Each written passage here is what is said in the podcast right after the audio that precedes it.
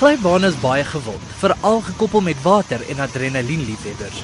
Maar ek wil weet wat hierdie een so uniek maak. Ian Versaghi, die projekdirekteur van nuwe ontwikkelings by Sun City, vertel toe meer.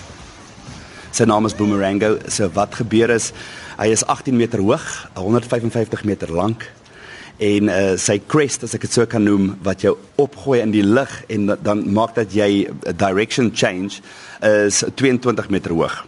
So wat gebeur is jy is eers in 'n tonnel en dan kom jy af met die glybaan en op 'n sekere tyd daylight hy en dan gly hy af teen 'n teen 'n baie groot steilte af en dan kom jy by die bo-punt aan en dan draai jy fisies om en jy beweeg in terug na die water. So jy change direction basis op hierdie ding.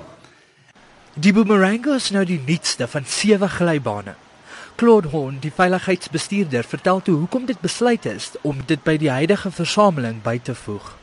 Wel, dit sou kom basies by die bas by die trant te bly in die in die aanvraag van ons besoekers af, jy weet, en ook basies ekonomies se standaarde te handhaaf wat soos die internasionale mark, jy weet, om basies by die standaard te bly.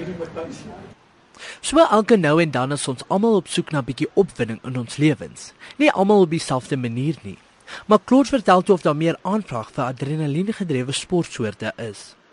Ja, definitief, jy weet, ek dink dit is maar in die mense natuur. Hy hy soek altyd nuwe opwinding en nuwe uitdagings en dit is uh, basies spesifiek wat hierdie gly uh, aanbied vir ons besoekers eintlik op hierdie stadium. Hy vertel toe of daar enige beperkings is tot wie hierdie glybaan mag aandurf. Ja, kyk ons het uh, ons het 'n ouderdomsbeperking en ons het ook 'n lengtebeperking. Jy moet 1.2 meter lank wees om dit te kan gebruik. Die bou van 'n glybaan is ook glad nie eenvoudig nie. Ian brei toe verder uit daaroor.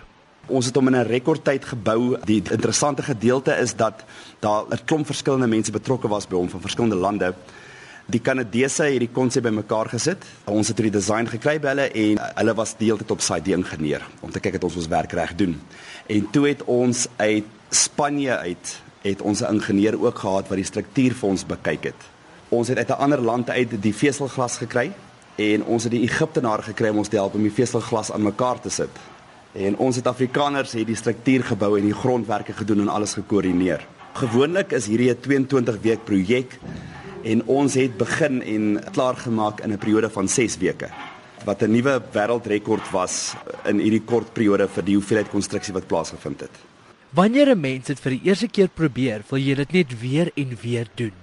Een vertel toe of daar iets meer waghalsig is om na uit te sien. Ons gaan nou in Mei maand eh, die die 30ste Mei begin ons met die tweede fase van hom. Dan gaan ons die Aqualoop bou.